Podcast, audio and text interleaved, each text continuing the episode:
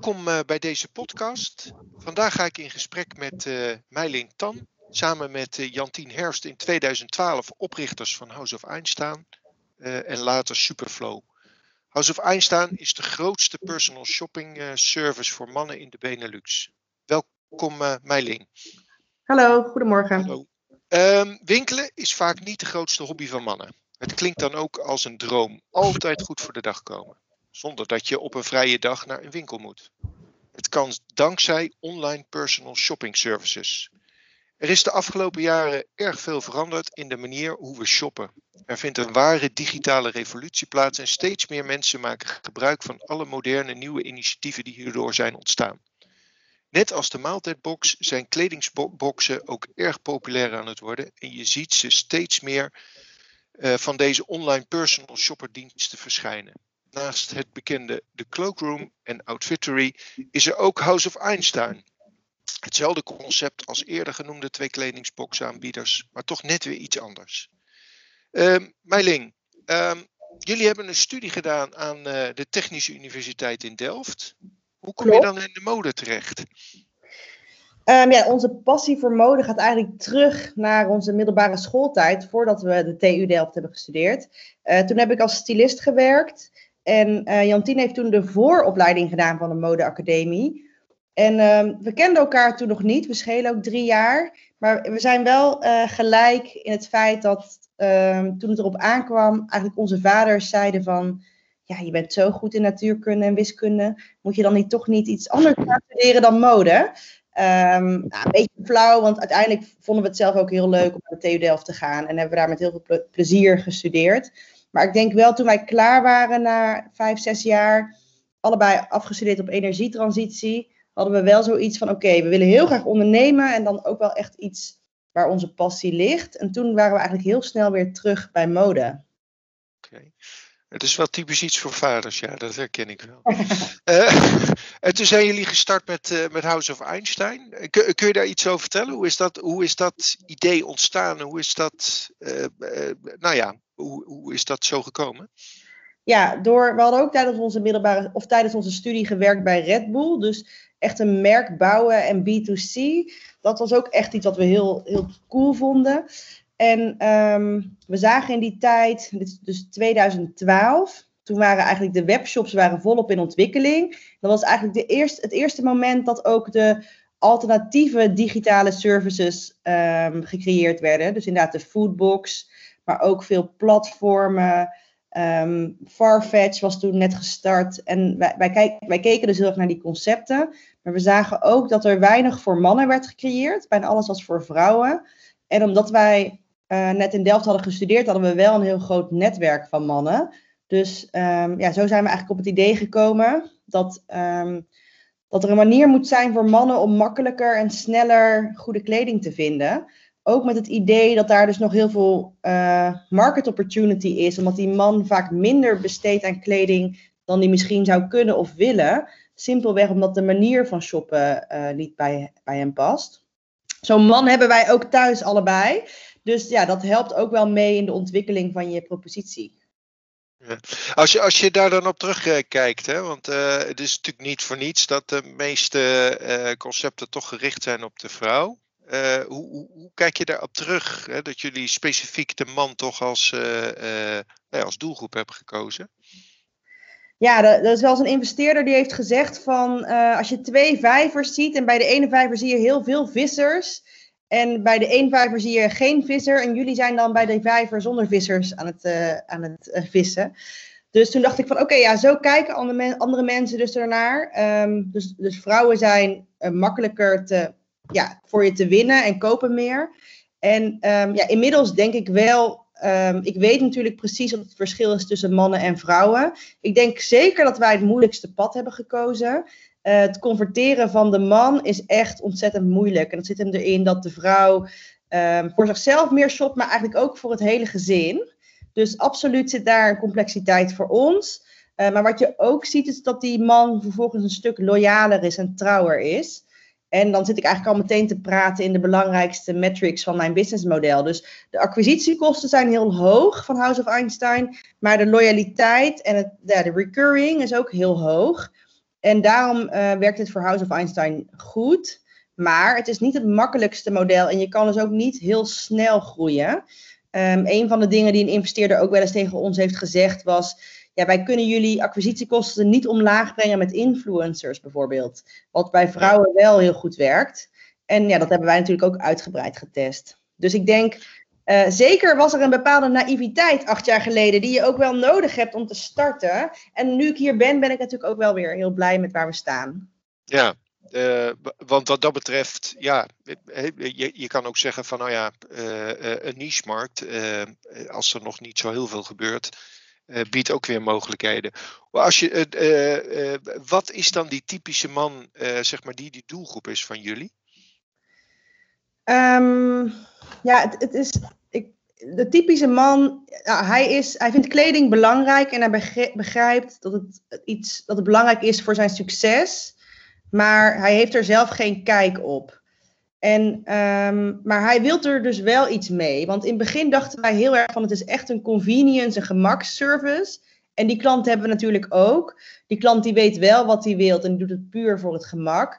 Maar inmiddels zijn we erachter dat het styling aspect, dus echt het, het vernieuwen, iets anders dan wat je normaal gesproken draagt, um, eigenlijk veel groter is en veel belangrijker is dan wij van tevoren dachten. Dus je ziet ook dat de man in die zin ook door een transitie gaat en die wil ook wat en die wil ook mee. Bovendien is de, ja, de pakken dresscode natuurlijk heel erg snel nu aan het, uh, minder aan het worden. Dus dat betekent dat het ook iets meer vraagt van, van hoe je je kleedt. Je kan dus iets meer laten zien, je moet wat meer laten zien. Um, dus in, ja, dat, ik denk dat dat wel veranderd is ten opzichte van tien jaar geleden. Dat de man ook wel wat meer wil met zijn kleding. En dat dat nu uiteindelijk onze belangrijkste waardepropositie is. En dat is wel iets anders dan dat we gestart waren. Dat, dat herken ik aan de ene kant. Aan de andere kant denk ik ook wel weer eh, van. Het, ook, ook als man is het natuurlijk best lastig om de regie helemaal uit handen te geven. En, en, en over te laten aan nou ja, jullie stylistes. Ja, alleen is het niet zo dat wij uh, bepalen wat er in jouw kast hangt. Uh, wij sturen eigenlijk een kleine selectie op. Daar, daaruit maak jij zelf de keuze. En vervolgens geef je feedback. En die feedback is ook heel belangrijk voor je volgende box. En op die manier proberen we daar dan weer op in te gaan. Maar het is natuurlijk wel zo dat die eerste selectie wordt gemaakt door een expert. En die expert die is de hele dag bezig met persoonstypes, type banen, wat voor kleding hoort daarbij. Dus het is wel een stuk efficiënter om niet door een Zalando met 100.000 artikelen te gaan.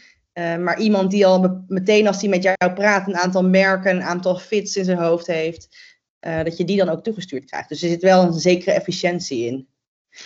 Als ik jou dan zo hoor, dan denk ik van, dan is data dus enorm belangrijk. Uh, ja, data is heel belangrijk. Uh, maar data is bij ons vooral belangrijk omdat um, wij zijn echt persoonlijk. Uh, dat betekent dat er geen enkele box hetzelfde is. Um, alle orders worden, worden, zijn dus uniek en voor een individu um, gemaakt. En omdat wij zeggen dat we persoonlijk zijn, zijn de verwachtingen van de consument ook heel hoog.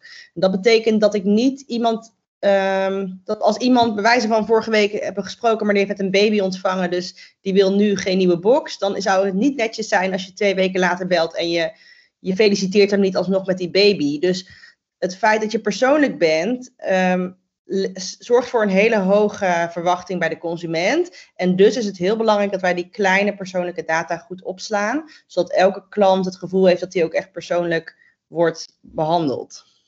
Dus ja, en uiteindelijk, dus in eerste instantie was die data belangrijk zodat iedereen persoonlijk behandeld kon worden. En nu inderdaad, nu we veel meer data hebben, gebruiken we het voor heel veel, voor heel veel verschillende dingen, ja. Maar vooral om ja, die service beter te maken. Duidelijk. Um, nu zijn jullie acht jaar bezig. Hè? Eh, waar zijn jullie als onderneming, of jij als ondernemer, waar zijn jullie tegenaan gelopen in die tijd? Poeh, zo, ja, heel veel. Maar um, nou ja, ik denk in, in eerste, je ziet heel duidelijk de fases waar je doorheen gaat. Dus in eerste instantie ben je bezig met ja, die product market fit. Van wat is nou de service en wie is nou echt je doelgroep? En op een gegeven moment, als je die dan hebt gevonden, dan ga je adverteren en dan weet je hoe je kan groeien. Ehm, nou, voor ons was de ontwikkeling van een technologieplatform cruciaal. Uh, wij hebben destijds heel veel verschillende platformen bekeken, omdat je als ja, je kan altijd het beste iets nemen wat er al is. Dat is altijd minder duur. Maar um, wij konden eigenlijk niet vinden een platform, een technologie waarbij het klantenprofiel en de producten heel goed, op heel goed in één systeem zat. Het was heel vaak of een CRM-systeem of een ERP-systeem. Dus in 2015, toen wij onze eerste investering ophaalden, toen um, zijn we eigenlijk meteen begonnen met die ontwikkeling van, het, van, de, van de technologie. Um, dus dat is voor ons echt cruciaal geweest. Dan zie je ook dat wij in de jaren 2015 tot 2018 super hard zijn gegroeid.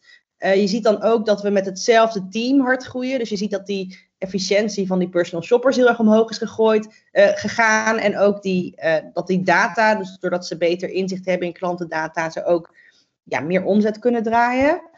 Um, en uiteindelijk waar wij wel tegenaan zijn gelopen in 2018 was dat het moeilijk was om um, funding op te halen voor ons. Um, omdat wij eigenlijk uh, zo een, een, retail business model hebben met een sterke technologiecomponent daaronder.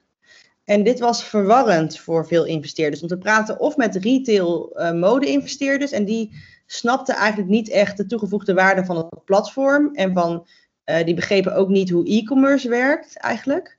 Ja. En um, um, de tech-investeerders die vinden een retail business model veel te um, risicovol. Ja. Dus dat was voor ons wel echt een hele grote domper. Maar hoe hebben jullie dat opgelost dan? Nou, dat hebben we opgelost door onze technologie zelf te gaan licenseren aan andere partijen. Eigenlijk in 2014, toen we net gestart waren, kwamen al twee partijen naar ons toe. Dat waren destijds Gant en Max. En um, om te, vragen van, kunnen jullie dit niet ook voor ons starten? Dus wij hadden al wel zoiets van, vrij vroeg van, oké, als we dit ontwikkelen, dan moet dat voor verschillende andere retailers ook, die moeten er ook op kunnen in, inpluggen. Um, en in 2018, toen hebben we gezegd van, oké, dan, dan gaan we op die manier zorgen dat we wel onze technologie kunnen blijven ontwikkelen.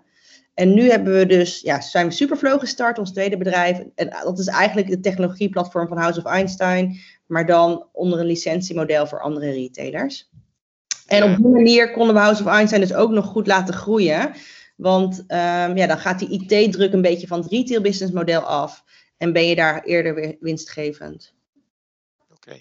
Eh, kan je al wat namen noemen? Of, of wil je wat namen noemen met wie jullie ja, ja, samenwerken daarin? Zeker. Onze eerste klant uh, begin 2019 was WeFashion. Uh, inmiddels is het dus brands met alle drie de merken. Dus PMA Legend, Vanguard en Cast Iron erop. Um, we ondersteunen een kinderbox genaamd Bundlebone. Heel leuk concept. Um, en Number 9 is gestart. Die hebben um, zes winkels geloof ik in Utrecht en Amsterdam en Haarlem. En um, ja, we zijn nu met scopingfase bezig met Ace en Van den Assem. Ook daar om te kijken hoe, um, ja, hoe zij een persoonlijk adviespropositie online kunnen brengen. En je ziet uh, daar. Ja, sorry. Ja, nee, je ziet daarin dus ook een verschuiving dat we van fashion weggaan en ook nu richting, nou ja, zoiets als eyewear bewegen. Um, en andere sectoren zie je er ook nog kansen in? Want dat, dat was inderdaad mijn vraag. Uh... Ja, dus we, we zijn inmiddels met uh, een eerste keukenklant online, live. Uh, en um, ook een vloerkledenwinkel. Dus dat zit meer in de, ja, in de home. Uh, ja, wat wij nu zien is dat we eigenlijk met House of Einstein een, een methode hebben ontwikkeld. Uh, waarop de consument zich goed kan aanmelden en goed op de hoogte wordt gehouden van het proces. Maar aan de achterkant medewerkers, adviesmedewerkers, goed die consumenten kunnen helpen. En dat eigenlijk op schaal. Um, en die methode is dus eigenlijk niet alleen voor kleding toepasbaar, maar voor nou ja, vrijwel elk retailconcept waarbij advies een belangrijke rol speelt tijdens de aankoop. En dat, en dat uh, zul je helemaal zien in, die, uh, zeg maar in deze tijden van corona. Dat, dat waar je toch een transitie van fysiek naar, naar online uh, plaatsvindt, dat jullie propositie daar enorm kan, kan helpen of van toegevoegde waarde kan zijn. Toch? Ja, klopt, klopt. Want je ziet dat dus tijdens corona heel veel retailers al zelf zijn gaan experimenteren. Um, van hoe kunnen we nu uh, toegang krijgen tot die consument nu die niet in mijn showroom of winkel is. En die zijn dus al heel veel uh, videobellen en maken een afspraak in de winkel. Dat soort concepten gaan testen. Ehm, wat je dan ook ziet, is dat het. Ehm, ja, het wordt heel simpel opgezet. Dus om het dan daadwerkelijk echt goed commercieel, die hele customer journey van zeg maar, aanmelding tot aan order, om dat echt goed te managen, dat, ja, dat, dat is complex, want dat is nou juist wat wij acht jaar lang doen. Ehm, en je, ziet, je zag dus ook dat partijen dus bijvoorbeeld wel een videocall konden opzetten, maar vervolgens de afronding daarvan als consument was dan heel simplistisch en simpel. Ehm, en dat, ja, daar, daarin proberen we nu bedrijven te adviseren van hoe je dat dan goed doet en hoe je ook zorgt dat je die consument helemaal aan het handje neemt. Maar inderdaad, ook bijvoorbeeld in de keukenbranche. Hè, er zijn dus heel veel um, adviseurs die online opeens de gesprekken gingen doen. En wat een mooie learning daar was, was dat de, de consument het met name heel erg fijn vond dat ze niet drie uur lang in een showroom hoefden te zitten, maar dat ze een uur vanuit thuis konden gaan bellen en vervolgens nog maar een half uur in de showroom langs hoefden te komen om ja, de laatste beslissingen te maken. Dus je ziet dat een gedeelte van de customer journey verplaatsen naar digitale kanalen, niet alleen uit noodzaak, maar ook omdat de consument het veel fijner vindt. En nou, ik, ik denk dat ik zelf een best wel moderne consument ben. Maar ja, ik zou echt, ik ga echt niet voor mijn plezier in een showroom zitten. En ja, hetzelfde geldt, we praten nu ook met een uh, eerste automotive partij. En daarvoor geldt eigenlijk hetzelfde. Van, ik denk echt niet dat mijn kinderen nog ooit naar de dealer zullen gaan om daar uitgebreid um, onderzoek te doen en zich te laten informeren. Dat gaat toch allemaal straks naar online verplaatsen. Wat niet betekent dat alles online gaat plaatsvinden, maar wel ja, een gedeelte van het advies. Van het uh, eerste gedeelte van de customer journey. Uh, ja. Zeg. ja. Hey, en daar geloof ik. Ja. Sorry. We hadden het al even over uh, corona. Wat, wat, heeft dat voor een effect gehad op jullie business? Behalve dan Superflow? Ja, voor House of Einstein. in de eerste fase um, een, volledige drop zeg maar, in orders. Dus toen werd er bijna niks besteld. Dus dat was heel heftig. Um, dat had er ook mee te maken dat we de marketingbudgetten vrij snel hebben ingetrokken, omdat die heel veel op radio zaten. En wij dachten van, nou ja, volgens mij luisteren nu niet zoveel mensen meer naar de radio. Um, wat wel bijzonder is om te zien, is dat ik toen, eigenlijk toen het stil stond, uh, een, een, e-mail heb gestuurd naar al onze klanten, onze volledige klantenbase vanuit mijn eigen naam, uh, met het bericht, um, we hebben je order hard nodig. En dat heeft gezorgd voor een piek in april. Dus het hele jaar kijken wij ook tegen zo'n hele rare piek aan van weken. Dus zeg maar mega slechte week en dan één zo'n piek in april. Uh, maar wat ik daar dus van heb geleerd, is dat je dus ziet dat je je kwetsbaar moet kunnen opstellen. Dat je je klanten ook om hulp mag vragen. En dat ze dan dus ook reageren en massaal er zijn dat was voor mij ja, als ondernemer echt een heel fijn en warm gevoel. En het gaf niet eens, het gaf niet alleen financieel een, een, een, een extra push, maar vooral ook qua team en qua spirit. Van oké, mensen, um, ja, mensen zijn er ook voor ons en die, die besteden hun geld graag hier. En dat vond ik zelf gewoon heel bijzonder. Uiteindelijk wat je nu ziet over de periode, en dat maak, daar maak ik me wel zorgen over, uh, is dat onze gemiddelde orderwaarde een stuk lager is. Dus als je kijkt naar de gemiddelde omzet per klant die per jaar besteed wordt, dan um, als ik nu naar de trend kijk, dan is die lager voor dit jaar. Um, en dat kan natuurlijk komen door uh, corona aan zich. Dus dan kan het tijdelijk zijn. Waar ik mij zorgen om maak, is als wij um, heel lang doorgaan met thuiswerken en ja, weinig sociale evenementen dat voor mode wel de spend per consument omlaag zal gaan. Want dat zijn toch vaak gelegenheden waarvoor je iets koopt. Ja. Um, dus wij zien het aantal orders stijgt, dus daar zijn we dan best wel blij mee. Maar dus die gemiddelde orderwaarde en die gemiddelde spend per jaar blijft achter. Um, dus ik hoop, ja, dat is voor ons natuurlijk wel zorgwekkend. Ik denk voor de ja. hele modebranche. Ik, uh, de, dat is een herkenbaar verhaal. Ik hoor dat ook van andere ondernemers. Um, even, even we, we, hebben het gehad over nou ja, uh, internet, we hebben het gehad over technologie. Um, mijn zin is er ook nog een andere belangrijke trend, namelijk duurzaamheid. Hoe belangrijk is duurzaamheid voor jullie? Duurzaamheid is het aller, allerbelangrijkste. Als je, als je aan Jantine en mij vraagt waar maken wij ons op persoonlijk vlak het meest druk om, dan is het om de toekomst van, uh, van onze aardbol. En ehm, de komst van corona heeft er wel voor gezorgd dat wij nu een herpositionering aan het maken zijn. Uh, of aan het doen zijn. En dat kwam ook voort vanuit die behoefte. En die werd natuurlijk wel door corona heel erg getriggerd. Van hoe gaan wij nou om met duurzaamheid en wat kunnen wij nou doen? En ik heb daar best wel een lange discussie met Jantien ook over gehad, heel persoonlijk. Van, vind jij het dan geen struggle dat wij als retailer zoveel mogelijk proberen te verkopen, terwijl uh, je ook een duurzamere wereld wilt? Uh, want duurzaamheid is ook iets waar wij natuurlijk in Delft, ja, wat we gestudeerd hebben. Maar uiteindelijk kwamen we er ook wel op uit van, ja, mensen zullen ook altijd kleding nodig hebben.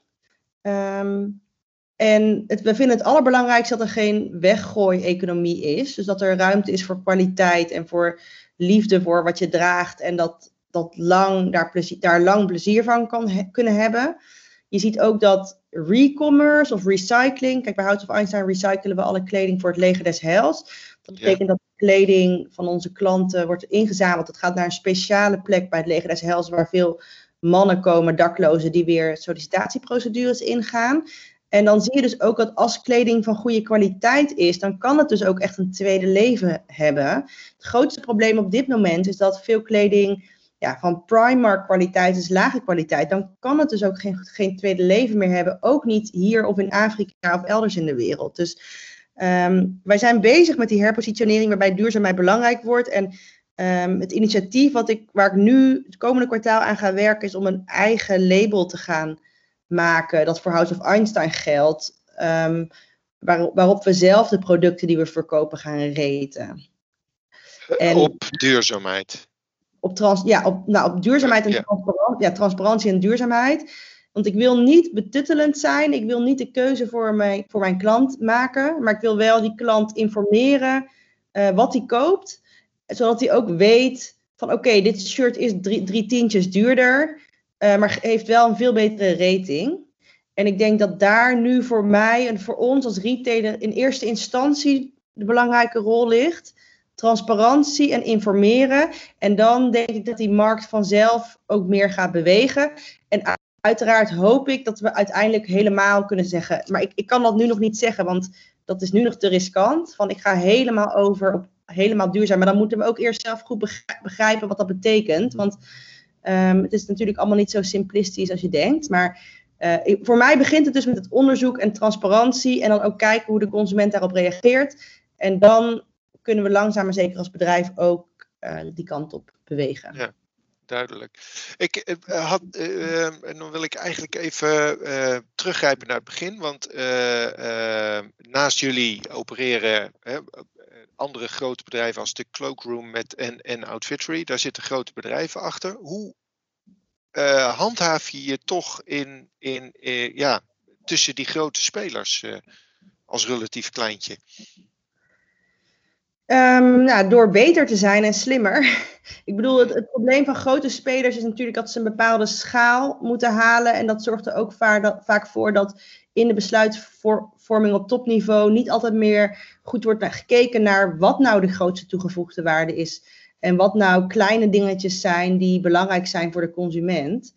Hmm. En um, ik hoop dat wij dat in ieder geval altijd onder controle zullen hebben. En, en we zijn dus minder snel gegroeid, maar ik denk dat wij daardoor dat wel heel goed onder controle hebben kunnen houden. Dus uh, de personal shoppers goed trainen, zorgen dat persoonlijk klantcontact ook persoonlijk is. In plaats van altijd alles automatiseren.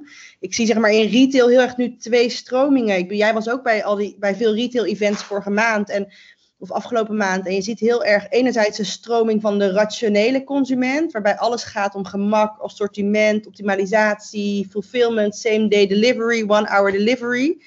Dan, ja, dan ga je ogen echt een beetje knipperen. Dat gaat natuurlijk over Amazon en Bol. Ik vind dat absoluut een intrigerende wereld. Maar tegelijkertijd zie je heel erg de stroming emotioneel. Wie ben je als merk? Hoe ga je de verbinding aan? Wat is de authentieke belevenis?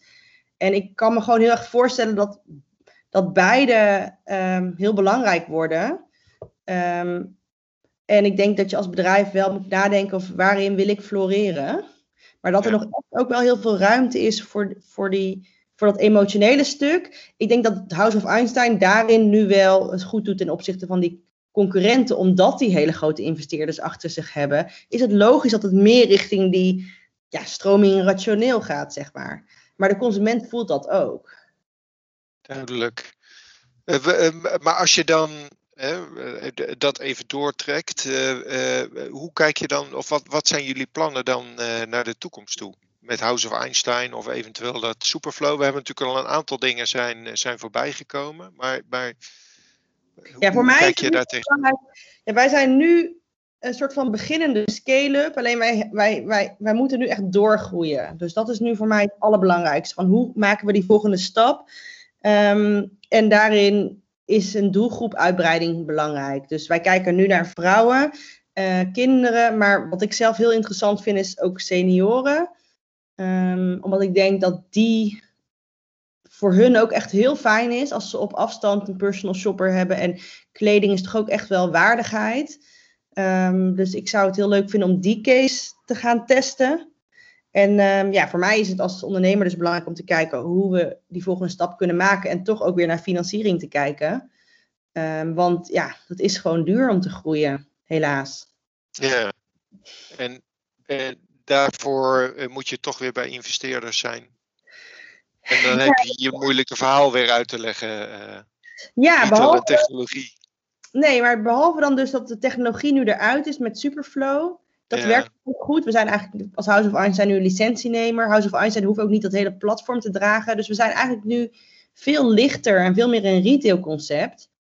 Um, dus in dat opzicht denk ik wel nou ja, dat, dat ze die case makkelijk zullen begrijpen.